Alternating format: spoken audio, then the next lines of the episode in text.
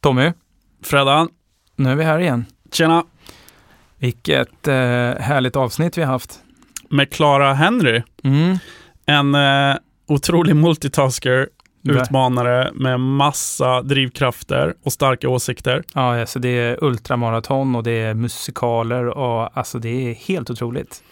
Häng med på resan! Ja, häng med.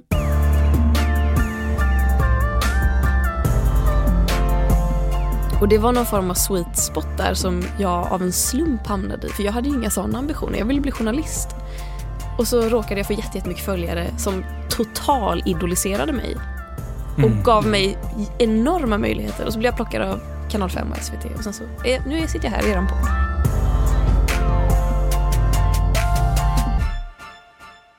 Ja, vem är Clara Henry? Berätta. Mm. Har vi börjat? Ja, vi Ja, kör. vi börjar alltid. Rullar Okej. bara. Vi bara kör. Trevligt. Jag är ehm, en person som kommer från Göteborg. Vilket är en så här otippat stark del av min identitet för att jag har inte bott där på tio år men Nej, jag längtar ständigt hem. det är så. Ja, men eh, jag tycker om att eh, röra på min kropp. Jag tycker om att prata med människor jag gillar och jag tycker om att äta god mat och jag tycker om mina katter. Mm. Det är det jag tycker om. Sen finns det en lista på saker jag inte tycker om men, men det, är lite, det är lite tråkigare att prata om. Okej, jag förstår. jag förstår. Ni, ni känner varandra genom eh, The Ice Bat också? Mm, det är faktiskt så vi eh, träffades. Mm. Det är enda gången vi har träffats. Det är enda gången vi träffats också. Det är Jaha. ganska roligt. Mm. Hur länge sedan är det? Var det typ 2019? Nej, det var ju 2020. Det var ju precis när pandemin drog igång. Var det inte det? Ja, men då kanske det var. Jag är nästan helt säker på det. För att de höll på att ställa, det var ju för en inspelning för SVT. Och de Mm. höll på att ställa in hela inspelningen. Det var liksom så snabba bud från ena dagen till nästa liksom att nej nu måste vi göra som alla andra gör och pausa detta. Mm. Och sen så gick det en vecka och sen så var de bara nej, vi är så få i produktionen. Vi gör det Jaha, ändå. ja, på grund av coronan helt Ja, enkelt. Aha, precis. shit. Så då, Jag det tror måste ha också, varit i mars 2020. mm, det var någonting sånt. Jag tror också att det var, för jag blev inringd ganska, alltså också, precis på håret Mm. och eh, fick förfrågan.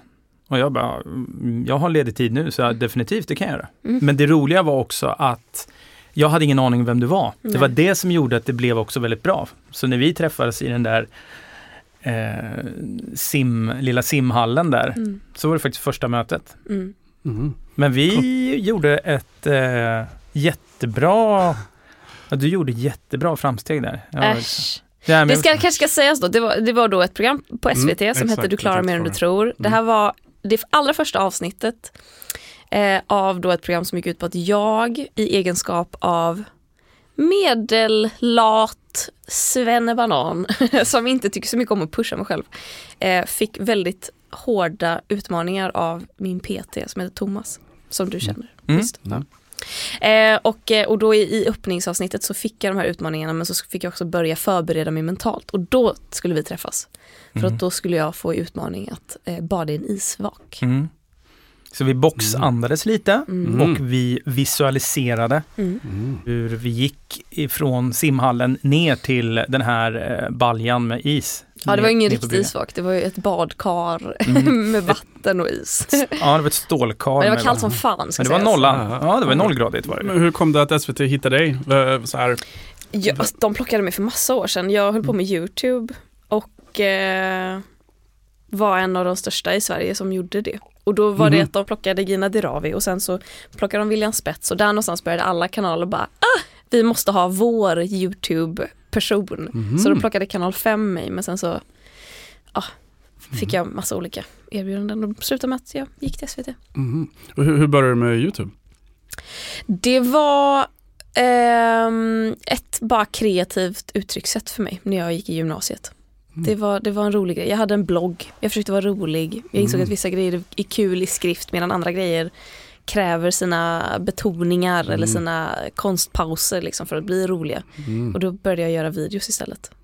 Cool. Eller ja, inte parallellt snarare. Men sen så blev det att jag gick Mm. över mer och mer till det. Cool. Mm. När Freddan berättade att du kommer på så ja, men briefade jag lite lätt. Jag tycker alltid det är roligast så här, att sitta så här och fråga ut er lite så. Mm. Men då fick jag feeling av att det var typ så här, ja men känns lite som Sveriges Tim Ferris typ. Jag vet inte vem det är. Jag är Nej. väldigt dålig på kändisar. Då får du googla honom. Ska jag göra det nu? nej, nej vill du det berätta? behöver du inte göra. Eh, nej, men han, är- han är ju lite sån, testar massa saker, experimenterar.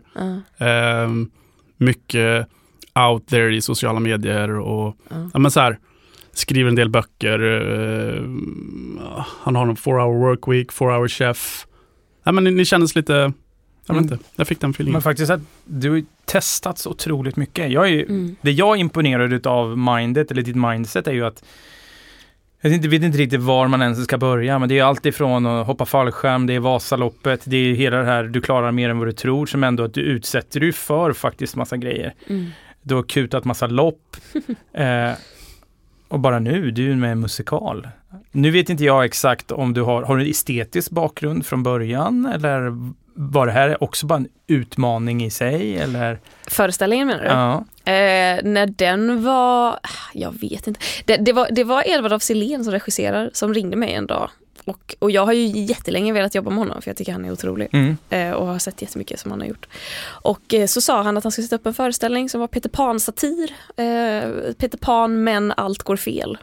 Och eh, så frågade han om jag ville vara med i den och då trodde jag att det var en, en lös intressekoll, så som det brukar vara.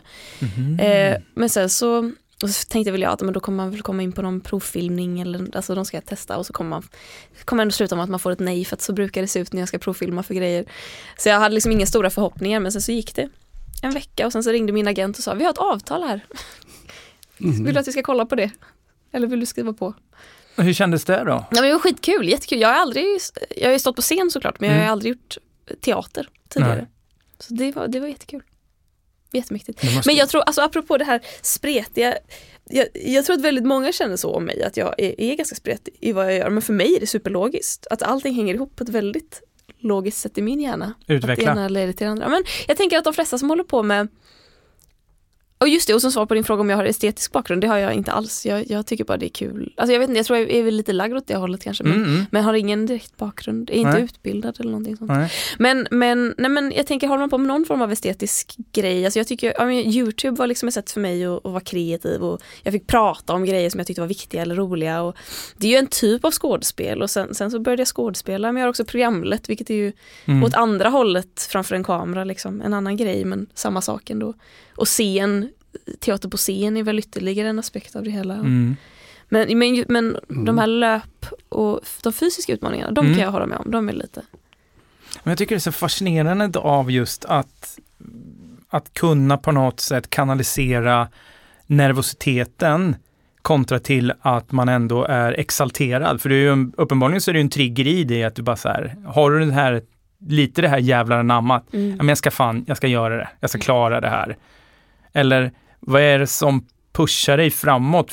För det är både fysiskt men också ja, estetiska grejer. För det, alltså, okej, åka Vasaloppet krävs det någon slags av träning, men, Mm.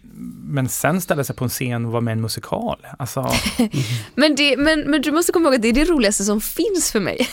det, är liksom, det, finns det finns revisorer som tycker att, att sånt är det roligaste som finns. mm, mm, Och det tycker jag är supertråkigt. Mm. Men det här är ju inte... Sen är nervositeten en del av det, men den försvinner ju också. Det är ju lite tråkigt. Man kan ju nästan sakna den tiden när man var nervös inför allting, för att då var man på tårna liksom. Nu är det bara så här, ja, jag ska upp och säga någonting inför tusen pers på en scen. Det blir kul. Så gör man det. Sen, Eh, sen, Känns det så? sen är man klar. Ja, det känns verkligen så. Men det är väl, jag tänker det är för att du har gjort så mycket då kanske. För att Ja, det ja. blir att du har gjort det och sen så vet man, ah, okej, men det var ingenting att vara nervös över. Ja, verkligen. Det är ju bara Mm. träning. Mm. Jag, går, jag går i skolan också. Gud vad jag stöter till min mick hela tiden. Undrar om man kan... Hur, hur, härligt, du kör lite italienskt snack. Du rör dina händer när du pratar. Dum, Ja, dum, dum. hela tiden. Jag kan inte prata utan att vifta. Nej, men jag går i skolan också och då var det en kille i min klass som, vi hade någon presentation och så wingade väl jag lite. Jag hade väl inte förberett mig så noga men jag visste ungefär vad jag skulle säga. Och så försöker jag alltid vara kul. Det är mitt, fan, min akilleshäl. Man måste inte alltid vara rolig när man presenterar Mm. saker inför en klass, Klara. Men, och då frågade han mig efteråt att bara så här, men du verkar så himla bekväm när du pratar inför klassen. Hade du övat innan? Och jag bara, Mm. nej motsatsen. Och då ville han veta hur han skulle göra för att också bli bekväm retoriskt.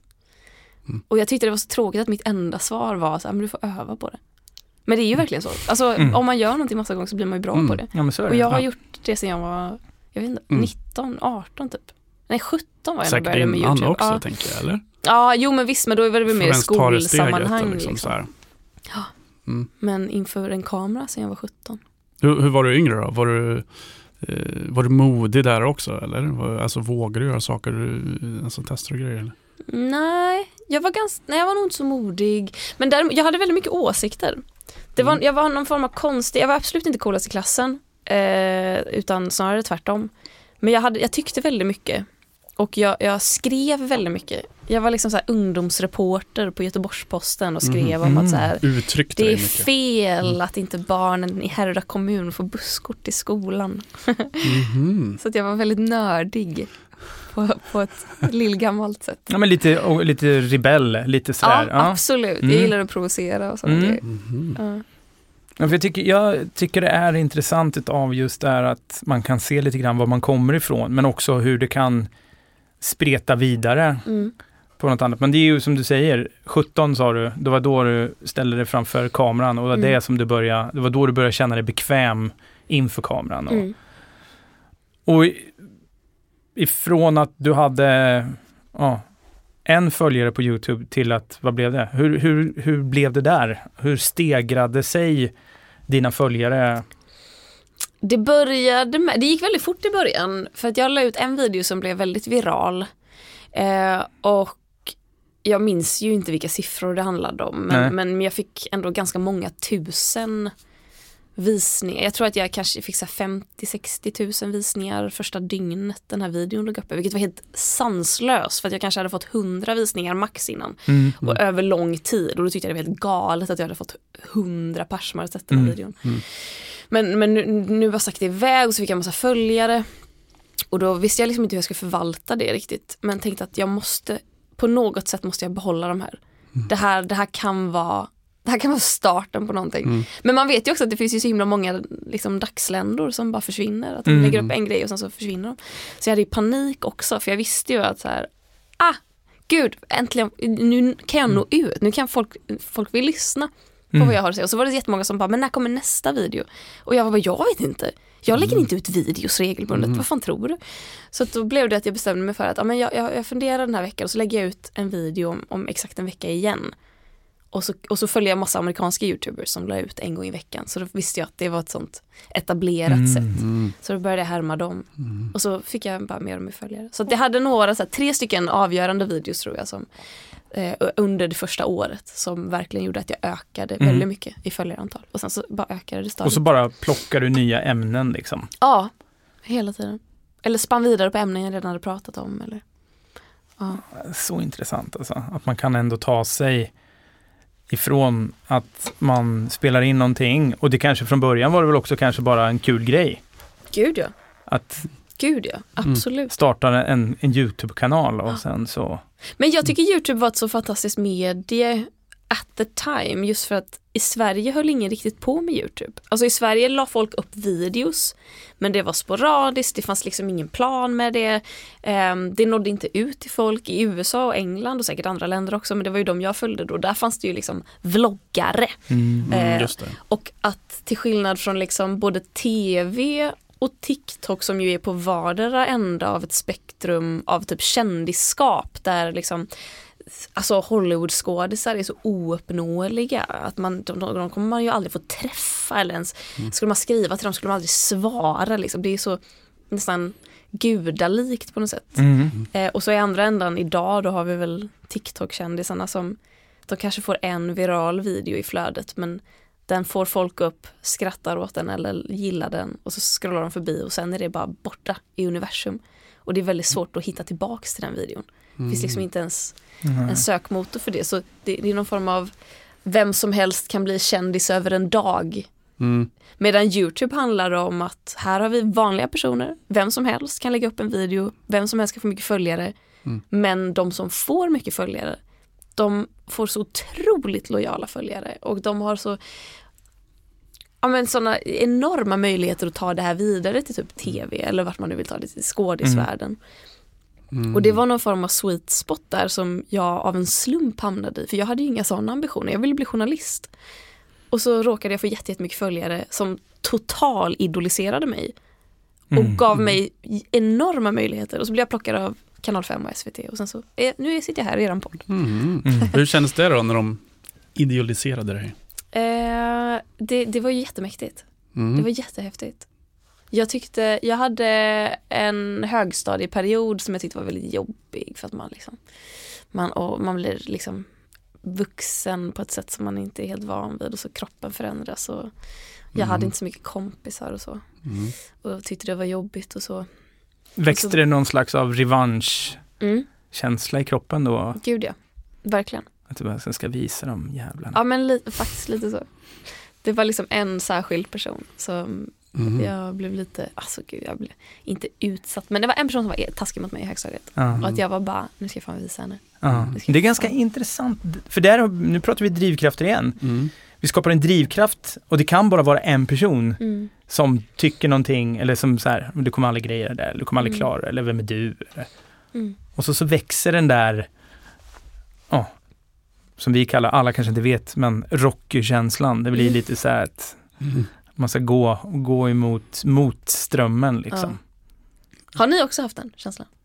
Rocky-känslan. Ja, jag kan tänka mig att den är ganska allmängiltig. Varje alltså morgon i morgonrocken. Mm, jag, nej, men jag kan ta på den definitivt. Jag har eh, några handfull tränare inom ishockey Ja. som eh, ja, indirekt kanske inte trodde på mig. Mm. Och det sjuka är att jag spelade hockey längre just också för att hitta, alltså det var de som jag typ liksom skulle bevisa för någon gångstans det där. Att man inte kanske platsade eller någonting sånt där. Så, så bara så här, ja jag ska visa liksom. Så det är någon inre drivkraft, men det är massa andra saker också. Mm.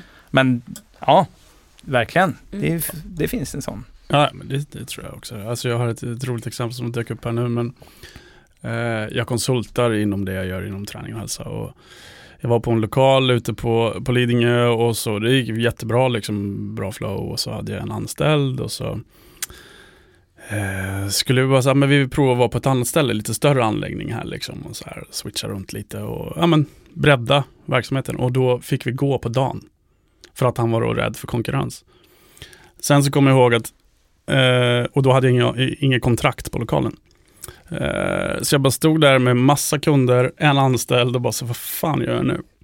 Och sen så bara ringde jag, skämtar du liksom? Är, är det här liksom, du, du måste, du skämtar eller? Och då sa han bara, eh, du kommer jobba som rörmokare om eh, några månader. Jag bara, okej. Ja men vi säger så. Mm. Och det, det, Exakt. där gnistan, Exakt, där kom gnistan. eller tändvätskan. Ja, exakt. Ja. Så han var ju bara rädd för, för konkurrens och kunde inte liksom vara flexibel nog för att liksom samarbeta. Så att, Mm. eh, men det går ju ganska bra nu. Och Mm. jag är ganska lycklig och glad. Eh, och så, Mm. Mm. Eller väldigt ska jag säga. Mm. Så, Mm. ja. Nej men man, Ja. har, man har de där inre. Hur, om vi pratar då lite mindset här eftersom att du har utsatt dig själv för väldigt mycket olika saker. Ja. Om vi tar, vi tar den fysiska aspekten eftersom att du själv säger att ja, men jag var ganska lat och Ja. inte sådär.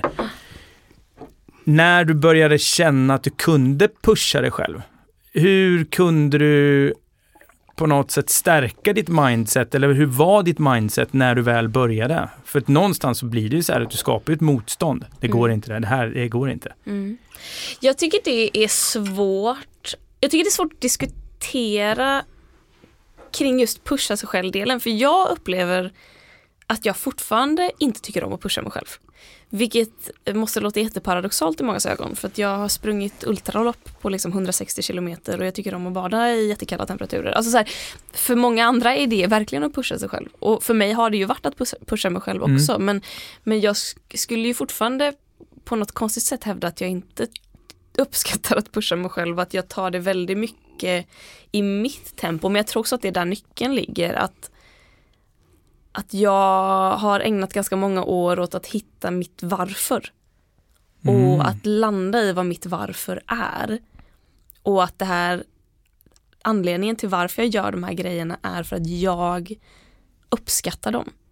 Och att jag hittar grejer i dem som får mig att känna mig som en bra person.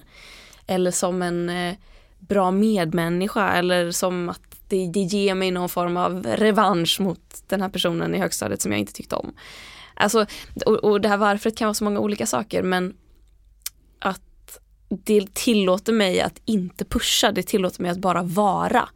Var mer typ klyschigt nog i nuet. Ja, verkligen. Mm. Och det tillåter mig också typ att hantera smärta på ett annat sätt. Det tillåter mig att, att, eh, att avgöra, ja nu gör det jävligt ont i mina baklår. Ska jag fortsätta springa i tio mil till? Eller ska jag lägga av? Nej men jag kan springa en stund till. Och så ser vi hur långt det tar mig. Så att ehm, jag, jag tyckte väl inte om träning tidigare för att jag aldrig var bra på träning. Mm. För att träning för mig, det jag har lärt mig om träning är att det går ut på att man ska pusha sig själv. Ja. Man ska eh, svettas och man ska bli andfådd och man ska ha maxpuls. Och det, ska, det är jobbigt att träna och så är det bara. Eh, och jag var aldrig bäst på det. Jag var aldrig snabbast. Jag var aldrig den som kunde springa längst. Jag kunde aldrig lyfta tyngst och då var det inte så kul för då kände jag mig bara dålig. Ja. Eh, och eh, jag tror att just ultralöpning som jag har hittat, det var liksom ett sätt för mig att så här, men gud, herregud, vad, vänta lite nu, vad är det nu som pågår? Vi får springa långsamt. Det här går ut på Mm. att man ska sakta ner och, och, och ta det lugnt. Men hå- hålla, det var en, revolutionerande. hålla samma pace men också Ja. samtidigt bara, Mm. bara mala på helt enkelt. Ja, och ta med fika, Ja, kaffe och bulle längs vägen. Fan vad gött. ja fan vad gött. Det var, det var ju liksom, det, var- ja, det var verkligen, för mig var det Eh, eftersom jag inte tycker om att pusha mig själv Nej. så, så blev det ett medel för att slippa pusha mig själv. Mm. Men med liksom det lilla villkoret att jag, jag ändå lovade mig själv att jag inte ska ge upp. För där är, det var- ju nästan min nästa fråga. Aldrig ge upp istället, utan försöka genomföra. Men om vi säger nu att du inte genomför det, är det Mm. okej eller? Ja, det är det.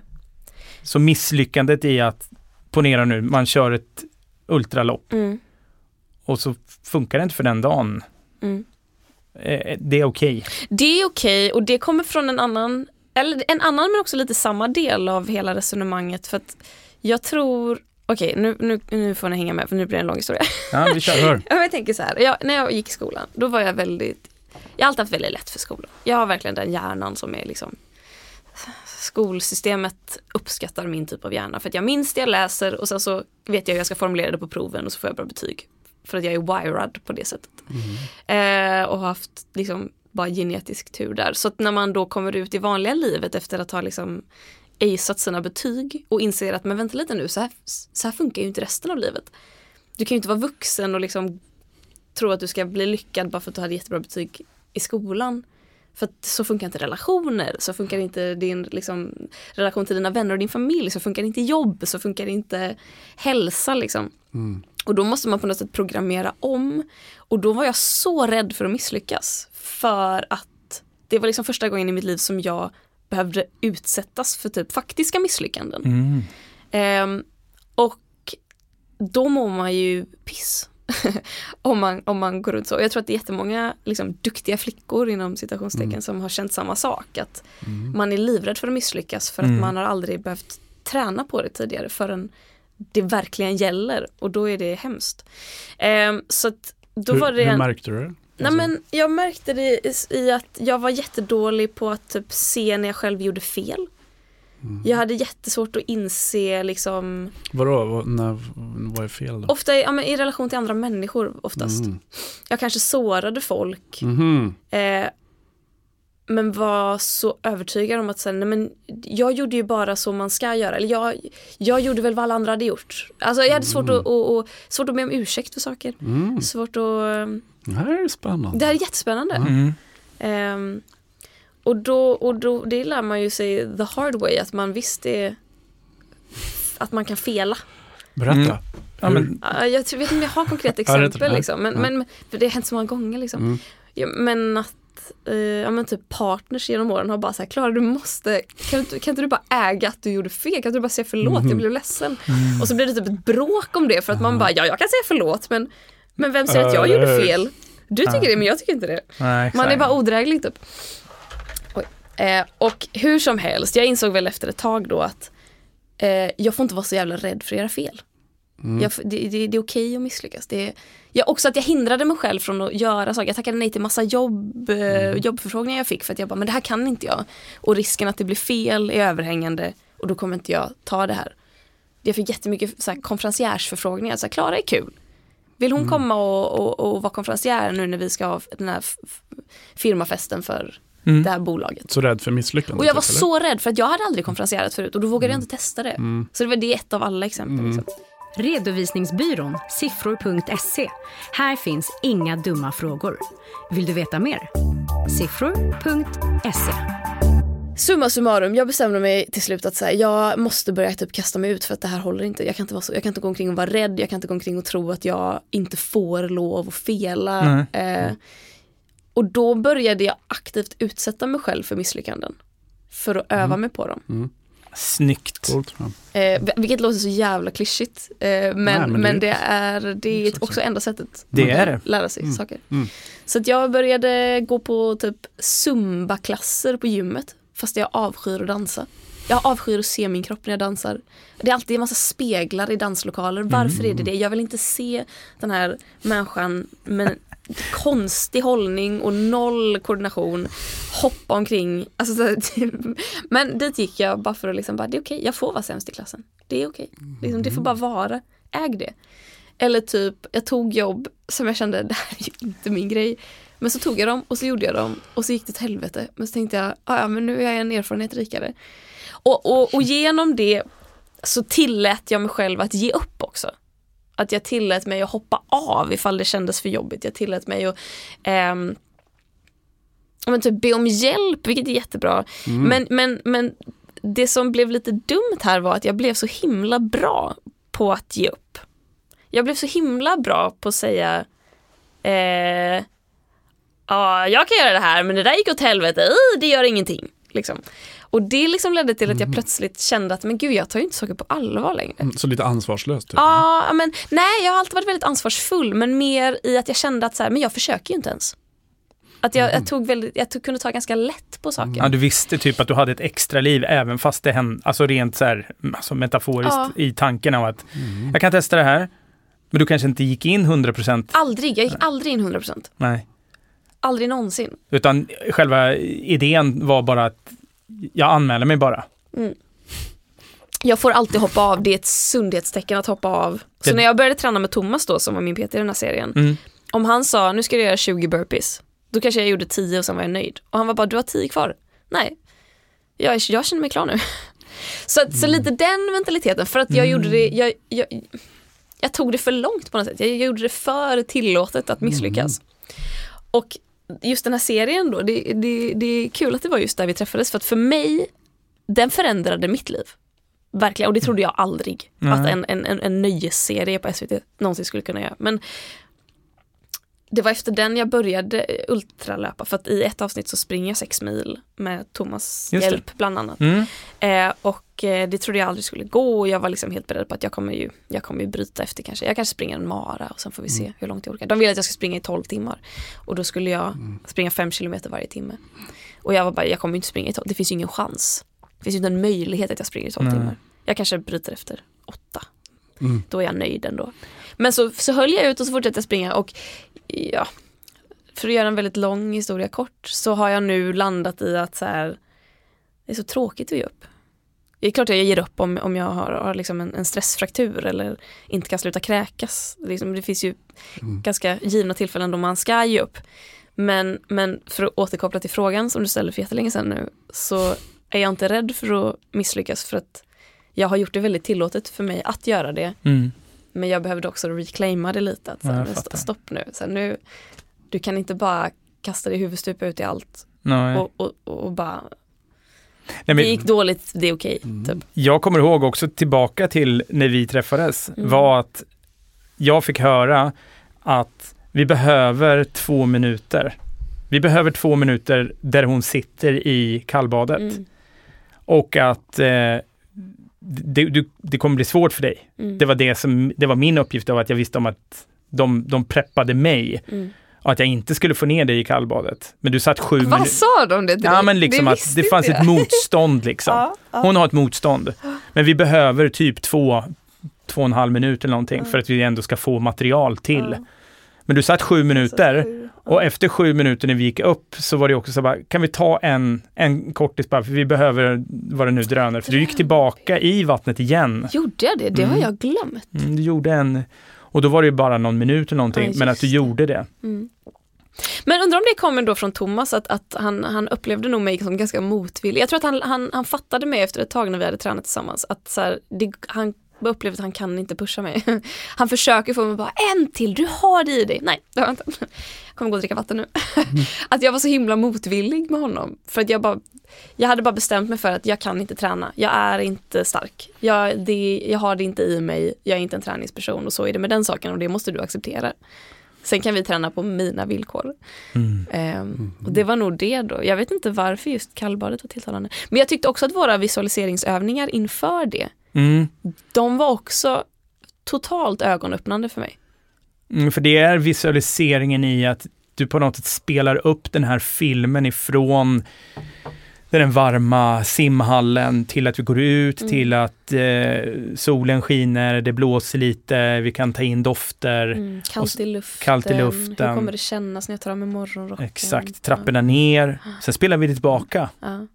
Och sen så spelar vi fram och så spelar vi tillbaka. Och vi gjorde ju det typ fyra, fem tillfällen. Mm, Eller gånger. mm. Och eh, du hade liksom typ redan gjort det. För det var ju det som var så coolt att jag var ju ganska nervös inför det här. Jag minns inte om jag visste vad vi skulle göra eller Nej, du inte. visste inte jag vad vi visst, visst visste jag inte. Nej. Sen tror jag att jag, när jag fick veta att jag skulle bada, då blev jag nervös. Alltså ganska rejält nervös. Mm. Och när vi då gjorde första visualiseringen av att så här, okej, blunda då. Hur ser det ut? Var är vi? Hur, vad, hur ser det ut när vi går ut härifrån? Hur känns det? Vad, vad luktar? Vad hör vi? Hur ser vägen ut? Det vet vi ju inte än, för vi har inte varit där, men gissa liksom. Mm. Så kommer vi ner och där är vattnet och hur ser det ut? Och jag var ju nervös hela första visualiseringen av att vi bara satt i ett varmt badområde, eh, Mm. badhus vill jag inte säga, Ja, där men- vattenland. Ja. Men en så här, spa-område. typ. Spa-område var det. Mm, jag satt där och var skitnervös. Mm. Hela första visualiseringen så var jag äkta nervös och när vi kom till då momentet att så här, föreställ dig hur du stoppar i en fot, hur känns det? Då var det så här, liksom, det var som att jag faktiskt gjorde det. Mm. Och sen så hade vi gjort allting och så får man liksom ett litet adrenalinpåslag för att man har så intensivt föreställt sig det. Och sen var du bara, okej bra, nu gör vi det en gång till. Och så gjorde vi det en gång till, då var man inte nervös.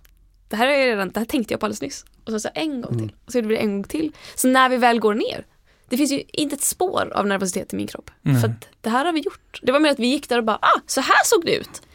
Det här var inte det jag föreställde mig, men men, men underlaget är samma. Jag föreställer mig att det skulle vara en liten väg ner. Mm. Att det skulle kännas här i luften. Jag vet ju vad det är för temperatur ute idag. Vad det för Exakt, väder. jag tror jag kommer ihåg att jag typ poängterade det. Känner du att det blåser lite? Känner du solen? Nu Mm. kommer solen fram Mm, lite grann. Att du Mm. fick ändå leva upp det på riktigt. Det var jättehäftigt. Det var Mm. verkligen, jag trodde, jag trodde inte att det skulle ha så stor effekt. Jag trodde typ att det skulle vara andningen, liksom att man kan lugna kroppen genom att andas och så, som skulle ha störst effekt. Mm. Men det var verkligen visualiseringen som gjorde det. Power of the mind. Ja, så jäkla häftigt. Men det är det är coolt, det är det, du sa innan också. Du är inte så ner- nervös nu för tiden för att du, du har gjort så mycket. Ja, ja exakt. du, du hade gjort så där redan. Mm, Coolt. det är ju det. Det är skitcoolt. Ja, jag tycker det är fantastiskt. Vad är det mer för sådana här extrema grejer du har testat? Typ eh, topp tre. Topp tre. Eh, det mest extrema är nog att jag sprang över Öland i somras med Mm. en kompis som heter Max Pisano som Mm. är ultralöpare. Mm. Det är 160 kilometer. Det, var, Mm. det gjorde jätteont faktiskt. Det var väldigt jobbigt. Fötterna eller? Ja, mest i det här lilla området mellan fot och ben. Eh, Alltså fotleden. Mm. Ja, heter det så? Mm. Ja. Nej, alltså, jag bara förklara för lyssnarna här. Ja, Mm. det var, där gjorde det skita ont och så fick jag massa blåsor under fötterna för det var väldigt varmt. Mm. Ehm, men också psykologiskt jobbigt. När vi Mm. hade en mara kvar så började jag gråta och kunde liksom inte sluta gråta på flera Mm, timmar för att det var liksom Man har en mara kvar Herregud. Ja men det var, det var så evighetslångt. Och att vi promenerade väldigt mycket då för att jag hade så ont i foten. Då hade vi liksom gett upp löpningen lite. Mm. När, var det- men när var du riktigt, riktigt rädd senast då? Inför något? Alltså livrädd. Det vet jag inte. Det minns jag inte. Nej. Visualisera. Fa- Fallskärmshoppet. Ja. Ja, nej jag vet du, jag var faktiskt inte rädd när jag skulle hoppa fallskärm. För att jag var så taggad på det. Jag var knappt ens nervös. Mm. Jag blev nervös när vi scoochade fram till kanten. Nej, nej jag skojar. Jag var tvåa ut. Vi var ett gäng som skulle hoppa och jag var nummer två ut. Och jag blev rädd, alltså rädslan slog till när jag ser den Mm. första personen bara vroom, Alltså bara försvinna, hoppa ut Just och bara det. försvinna. Som man ser på film typ. Ja, då var det som att min hjärna fattade. Mm. Mm. Och det riktigt intressanta fattar du. med att när vi är nervösa, Mm. samma cocktail som vi får i kroppen exakt samma som när vi är exalterade. Så Mm. när vi står och väntar på tun eller tunnelbanan, på berg och, dalba- berg och dalbanan, eh, så kan vi antingen så blir vi nervösa för berg och dalbanan Mm. eller så kan vi bli exalterade av att det är Mm. berg och dal. Så att, Mm. Ja, det beror på vad du ska göra på tunnelbanan också. exakt. Ja, men det är exakt. Ja, Har man aldrig åkt tunnelbana förut så är det nog Mm, exakt. jävligt Kan spännande. vara någonting. Och vart man ska. Och vart man ska. Mm. Nej men jag var nog ganska nervös inför premiären av våran föreställning också. Då, då var jag, Mm. då var det springa på toa några gånger.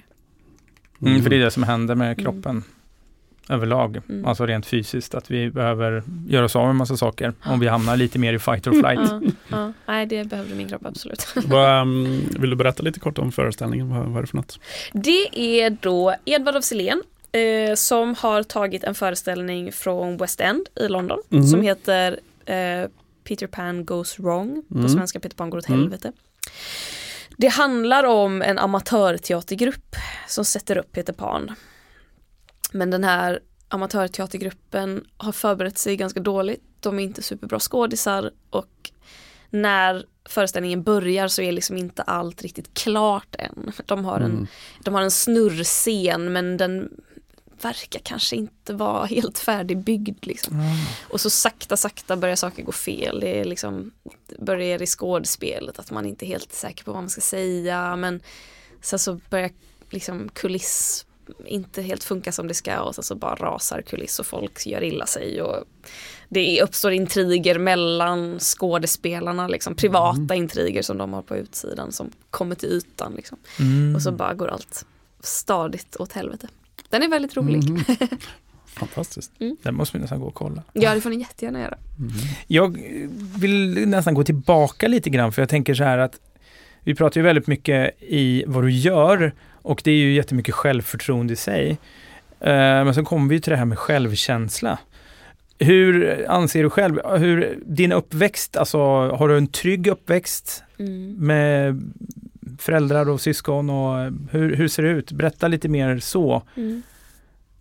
Ja, jag skulle absolut säga att jag har en trygg uppväxt. Eh, min familj har varit jättetrygg och växt upp på landet, alltså ute i skogen liksom utanför Göteborg. Så att vi har liksom sprungit omkring, verkligen bokstavligt talat i skogen och lekt. Och Mm. haft en jättefrihet i det. Och Mm. mina föräldrar eh, har levt tillsammans och jag har haft mina morföräldrar som jag mer eller mindre har bott hos eller växt upp hos lika mycket. Typ. Mm. Så nej men super super tryggt eh, skulle jag säga.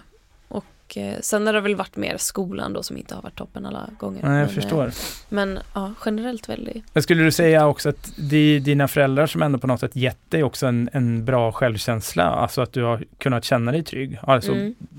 Kopplat till deras som förebild kanske, eller förebilder? Mm, det tror jag säkert. De har ju alltid varit, jag tror, självkänsla tror jag är, är, är lite luddigt så för att det är så mycket som kan påverka den och jag, jag är ju inte övertygad om att jag har en toppen självkänsla. Jag tror att den kan svaja ganska hårt.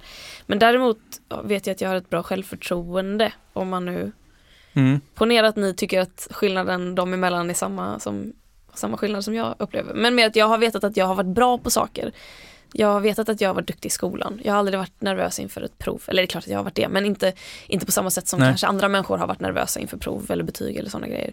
Att jag vet att jag kommer klara det och mina föräldrar har varit jätteuppmuntrande och de har ju aldrig liksom pressat mig att jag ska få bra betyg utan de har väl mer varit stolta över att det Mm. har gått bra. Och samma Mm. med, med, med liksom min karriär och så. De har aldrig det var väl snarare min mamma som försökte ta ner mig lite på jorden när jag började få mycket följare och så. Att hon var bara ja, ja, men det är säkert bottar allihopa. Att hon försökte liksom ödmjuka en inte lite. hybris nu.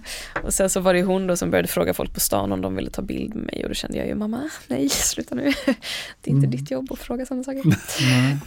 Gjorde hon det? Mm, det. Hon frågade andra om de Ja, vill men ta bild med. om, om folk slängde så mycket som en blick liksom. Och, och Ah. gick i, i, i, i, i Vill du ha en bild? Ja, gick förbi. Vill du ha en Vill bild? ni ta en bild med Klara? Nej. Hon var bara stolt. Ja, jättestolt, jättestolt. Det är ju Fint. jättefint. Men Ja. man mådde ju bedrövligt när man var 19 år och Ja. YouTube-kändis. Och ens morsa skulle Gjorde du det eller? Nej. Mådde du bedrövligt? Av, av det Ja. mådde jag bedrövligt. Eller lite stolt också kanske? Ja, nej, nej, för jag tyckte det var väldigt jobbigt att bli igenkänd på stan just. Mm. Jag tyckte det var kul när man kunde så här, när man blev bokad så här, kom och föreläs på den här tjejjouren. Då var det så här, ja, klart ska det. Och då var det så här, ja, ta bild med alla som vill ta bild. Men, men när det var på stan, att man, kände, man fick aldrig riktigt vara i fred liksom. Mm. Det tyckte jag var lite så här, och då var jag bara, mamma, sluta nu. Hur, hur gammal är du idag? Jag vet inte 28. om du sa det. 28? Mm. Mm. Jag. Ung. Hur gamla är ni? Frågar man en, en gammal man det? Jag är 44. Jag fyllde faktiskt 44 nu. Grattis, 13 februari. Ja. Tre dagar sedan. Det gjorde du. hurra. Gamle, gamle vän. Jag är 39. När fyllde du år? Ja, det var en bra fråga. September tror jag. Mm. Mm. Vad är man då?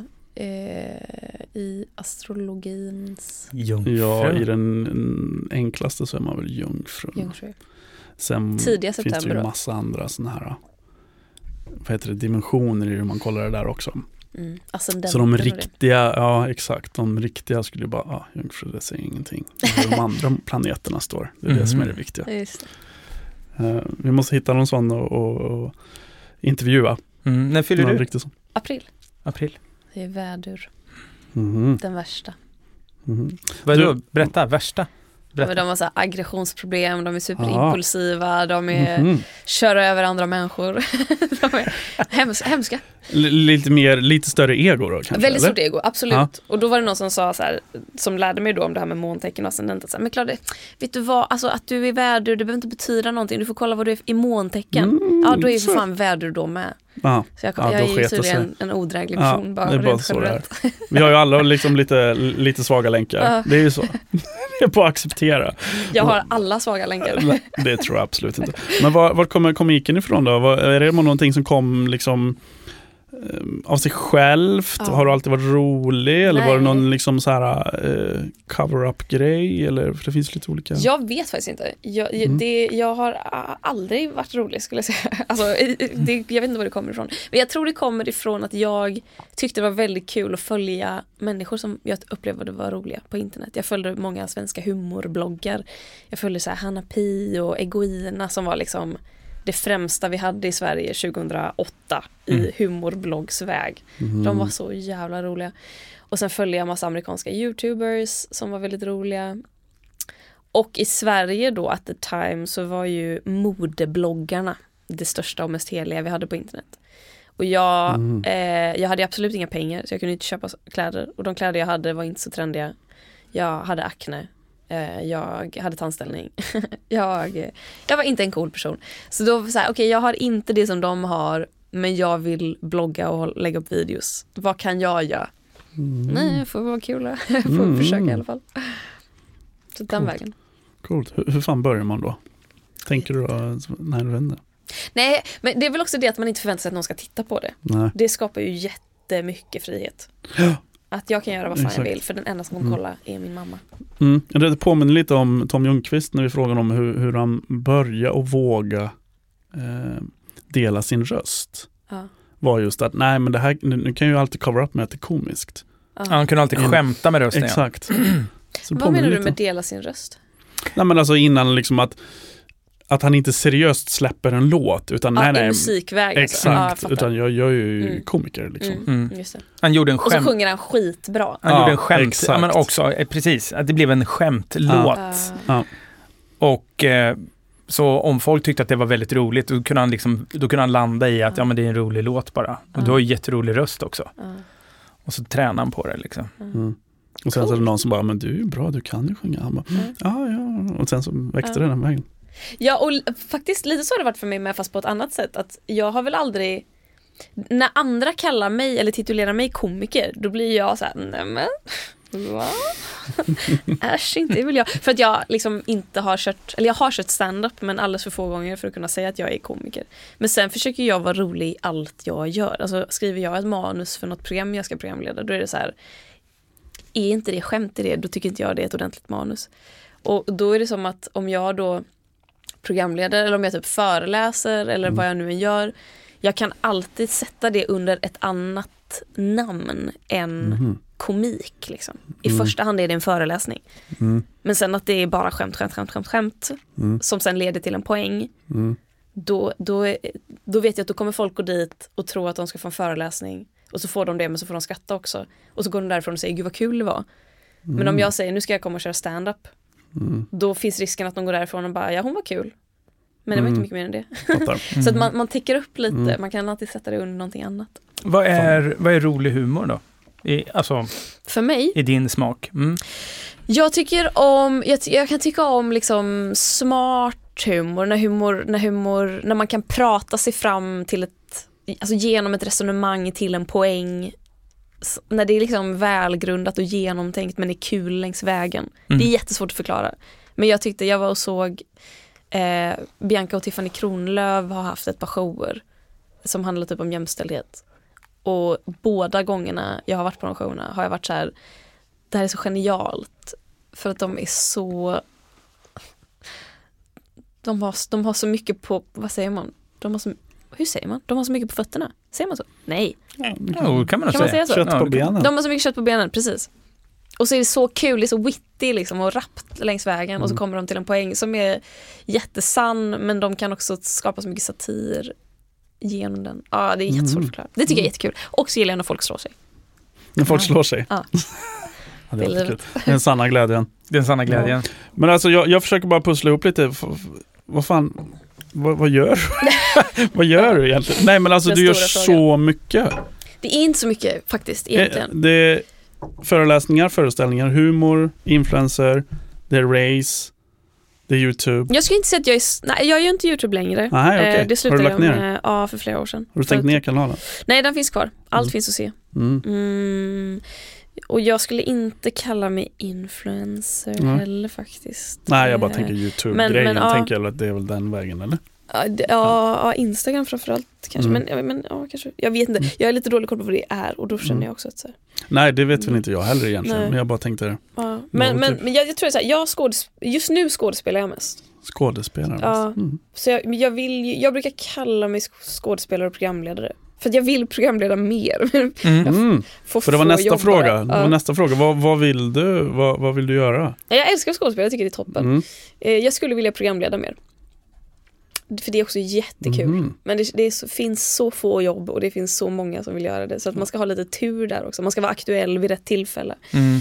Ja, Eh, just det. och jag är, ja, jag är ganska dålig på att hålla mig aktuell för det kräver ju typ att man är så här jätteaktiv på Instagram och det är, jag, det är jag inte. Jag var det ett tag men jag orkar inte. Jag tycker det är för ytligt.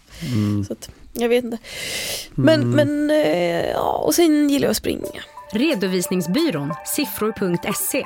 Här finns inga dumma frågor. Vill du veta mer? Siffror.se. Och så kan jag, f- är jag konferencier ibland när folk vill ha mig. Mm. Jag vet inte. Skådespelarjobbet då, är det alltså långfilm också? Alltså mer... Nej, jag har aldrig gjort en långfilm faktiskt. Men det är mycket serier. Mm. Eh, ja, väldigt mycket serier har jag varit med i. mm. Och så Typ? nu på scen då också. Typ, vad är det för serie? Vad Eh, man vet eller? Typ, eh, ja alltså jag har varit med i Solsidan liksom. Det är väl Mm. det folk vet men det var ju Mm. bara en liten, jag var med i ett avsnitt typ. Mm. Men, eh, men jag har spelat huvudroller i en serie som heter Ligga som gick på Mm. eh, eh, heter det Discovery Plus kanske, kanal 5s Mm. streamingtjänst. Oh, som för, den ligger inte där längre, den ligger på HBO nu. Mhm. Det är ganska coolt. Oj! Mm. Ehm, och så gjorde jag en annan huvudroll i en serie som heter Sjukt oklar som gick på SVT. Som också ligger på SVT, de har lagt tillbaka upp den på SVT. Mhm. Men det, de, de, de är väl inte så kanske välkända. Sjukt oklar kanske är den mest kända av dem. När du lär dig manus och sådana saker, kliver du tillbaka typ till plugget? Att du har lätt för att Mm. komma ihåg och att du kan sätta dina repliker? Mm. Exakt samma sak eller? Ja, jag, jag minns inte helt säkert hur, jag, alltså hur det var, för det var så länge sedan jag gick i skolan, alltså som inte är universitet nu. Men, men, eh, men jag tror verkligen att det är därför jag jobbar med det jag jobbar med. Alltså jag tror att det är därför jag har blivit bra på det Mm. och kom in Mm. i det väldigt fort. Mm. För att jag har jättelätt för att lära mig text faktiskt. Mm. Och Mm. nu pluggar du Mm. till Socialantropolog. Så någonting helt annat. Och du bara, nej men jag gör inte så mycket. Nej men jag menar mer, jag menar mer, Vad jag, gör okej, jättemycket okej, men inom är- samma... Så jag, det är därför jag bara, jag förstår liksom inte riktigt. Det är Jag helt får, inte ihop, jag får inte ihop det här. Men okej, vad, och vad är Ja, den det? är lite off Vad, vad är det? Det är, men vet du det hänger också ihop, alltså så här, allting, Jo, allting hänger ihop. Det, låter- det, jag fattar, förstår jag. Det låter Vi har en holistisk vy här på allting Mm. vi gör. Social antropologi handlar jättemycket om holistiska vyer Mm. eh, på livet. Nej, men det är läran om människan som Mm. eh, social varelse. Det handlar om kulturer och Mm. hur vi socialiseras som människor i grupp. Varför beter vi oss som vi Mm. gör och hur skapar kulturer detta? Vad är kultur och natur? Vad är, varför är vi som vi är? Intressant. Ja, det är jättespännande. Mm, jag älskar det. Det är toppen. Hur länge har du pluggat? Sen i höstas. Sen i höstas? Mm, vi har precis börjat. Och hur många år är det? Tre år för kandidaten och sen Ja. får vi se om jag tar mastern också.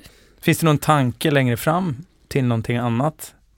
För att du pluggar det här? Alltså grejen är med socialantropologi att det täcker liksom in så många frågor som jag tycker det är spännande. Som typ klass, genus, ehm, migration, miljö, klimat.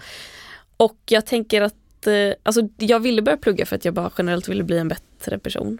Eh, för att jag tror att man blir det. Mer Mm. kunskap? Utbilda och- sig, ja. Mm. Och så kände jag väl att så här, det kan vara bra att ha en examen. Mm. Det har inte jag. Det, det är säkert, om jag någon gång i framtiden får för mig att jag inte vill göra detta längre så kan det vara bra att ha någonting att falla tillbaka på. Sen tror inte jag att det kommer hända. Men jag tror också att jag kan väva in jättemycket av det jag lär mig Mm. i det jag redan gör. Såklart Mm. det kan. Det kan man ju med allt. Det är Ja. fantastiskt. Mm. Grymt bra. Det är livet. En erfarenhet rikare. Mm. Mm. Och skådisdelen. Tjänar man några pengar på det där eller? Mm, det beror på vilka som producerar. Ja. Men ja, det är klart man tjänar pengar. Alltså man får Ja. ju betalt liksom. Men, Jo, men men tänkte Det är liksom, väl inte- det är väl inte megasummor direkt. liksom för dig? eh, nej, jag har för få gig för att göra det full time. Eh, absolut. Mm. Men jo, men det är klart. Det, Mm. Okej. Ja. Och du, jobbar, du kör inga extra då för att covera upp det så att säga? Vad, men, alltså, vad menar du? Ja, sidogig för att få ihop Jo, det. jag kör, jag kör ju massa olika. Ja. Alltså, mm, Får du, fortfarande, får du pengar från YouTube-sakerna? Nej, nej ja, kanske 200 spänn i månaden för att det är annonsintäkter som tickar på. Du Men. Eh, tänk på ett djur, Klara. ett djur. Mm. Mhm. Vad är det för ett djur? Ska jag säga det jag tänkte, tänkte på eller det första som Det kom första till du mig? tänkte på, första bara som Det, kom. det första jag såg framför mig var en kronhjort. Ja, där har du den. Oklart varför. Men, det ska du eh, få reda på alldeles strax. För Freddan har sin djurens språkbok. mhm. Vad betyder det då? Eller Ja, det vad, kommer du vad, snart få se. Jo men jag menar vad, vad det betyder att jag tänkte på det. Vad det säger Kan om mig. Är det det vi ska Ha ta reda på? lite tålamod här Ja, men Klara, så kommer du mig. att få reda på det. Jag vet bara inte vilken lek vi leker. Jag vill Ja, vi ha leker ingen lek. spelreglerna. Det här är så här. Det är så att eh, vi ställer den här frågan till varje person som kommer hit. Ja. Och eh, boken heter Djurens språk. Och varje djur som poppar upp har ett visdomsord. Okej. Så dagens visdomsord och du valde kronhjort. Ut och praktisera din visdom. Min gåva till dig är att bli erkänd eller känd för det du gör. Du behöver synas. Världen vill se dig. Oj, shit. Det var stora ord. Mm, men det är också, eh, jag vill säga igen, vi säger ju det här fan varenda gång. Men det är, det är träff på det här. Ja. Nu, nu är det så att du kanske ska, mm, ja, du är redan i rutan, du sprider grejerna, du, men du, du, ska nog, eh, du ska nog fortsätta med Jag det. tror med det. Mm. Jag tror Du ska också. nog bara köra på lite, Gå, gör det med hjärtat, gör det med kärlek. Eh, Jag ska inte gå och bli akademiker som socialantropolog bli, med andra gå inte ska att bli bitter Nej, aldrig. på andra. Absolut inte. Det tror jag är jätteviktigt också Mm. i sin vilja att förändra. Att jag, jag tror inte på att människor, jag kan ju tycka att människor är dumma i huvudet som inte håller med mig. Men jag tror att de, det, det, det är bara ett beteende snarare än identitet. Mm. Jag tror inte att de är dumma i huvudet. Alltså förstår ni vad jag menar? Mm, ja, jag tror att alla förstår människor är värdiga att ha dialog med. Jag tror att alla människor har Exakt. sina resonemang och man Mm. behöver inte hålla med varandra alltid, absolut inte. Mm. Men jag tror men, men, också... men jag tror det, man ska inte avhumanisera heller för det tror jag är en jättefarlig grop. Mm. Jag tror rebellen i dig, Mm. inom citation vädur eller vad det nu är, men rebellen i dig som gör att du måste stå upp det här hela tiden eller ifrågasätta. Mm. Det är drivkraften till Mm. och det du gör runt omkring så hela tiden så skapar du dig plats. Mm. Du skapar en plats och du skapar en plattform.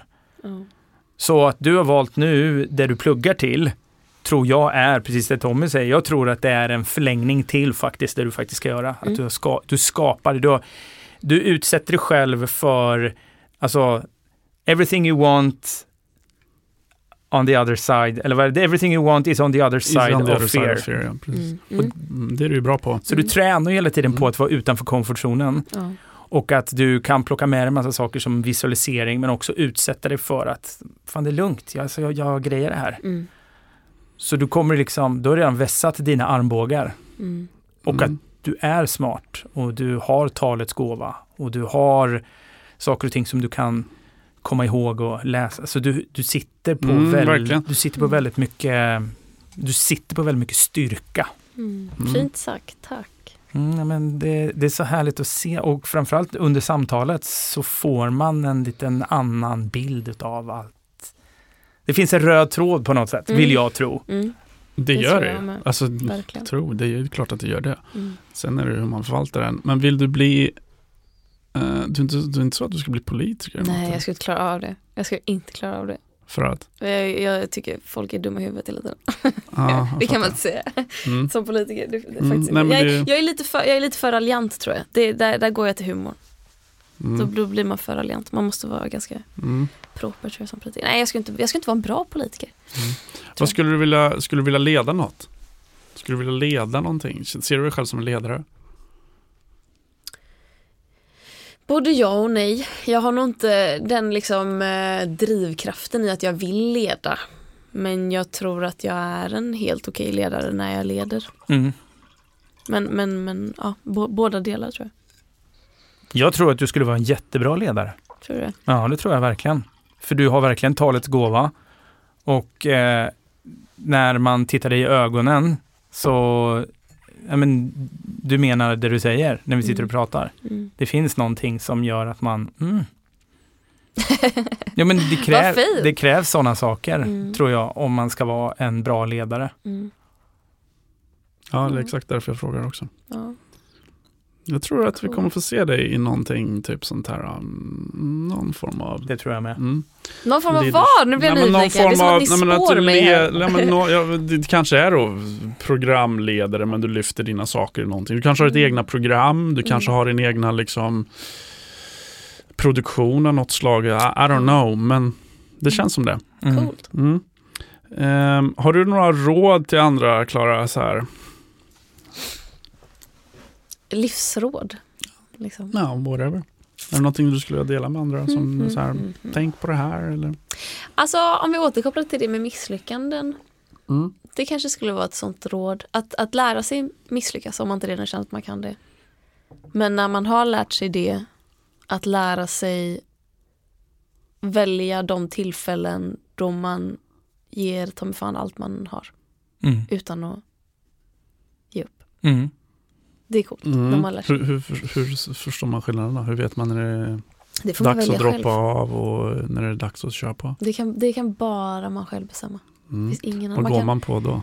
man går på det som är betydelsefullt för en själv. Mm. Man får fundera på varför man gör saker. Så man går på hjärtat? Ja, eller hjärnan. Eller också. magen? Hjärnan, ja, eller magen, eller fucking lilltån. Eller man går på än- fötterna kanske Var än sitter. Ja, Mm. Ja. Ja.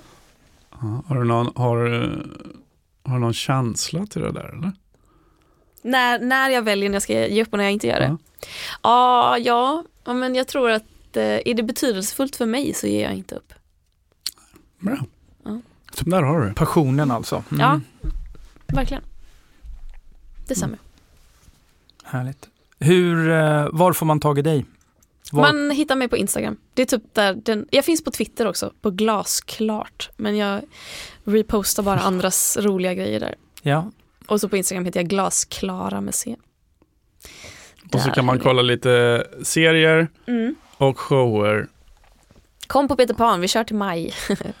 Var är det någonstans? Ja, eh, cirkus i Stockholm men sen är vi runt i ja, väldigt många olika platser i södra Sverige, tyvärr. Jag, trodde, jag tolkade det som att i norra Sverige så var arenorna bokade redan. Så Mm. vi fick liksom inga datum där. Det var synd.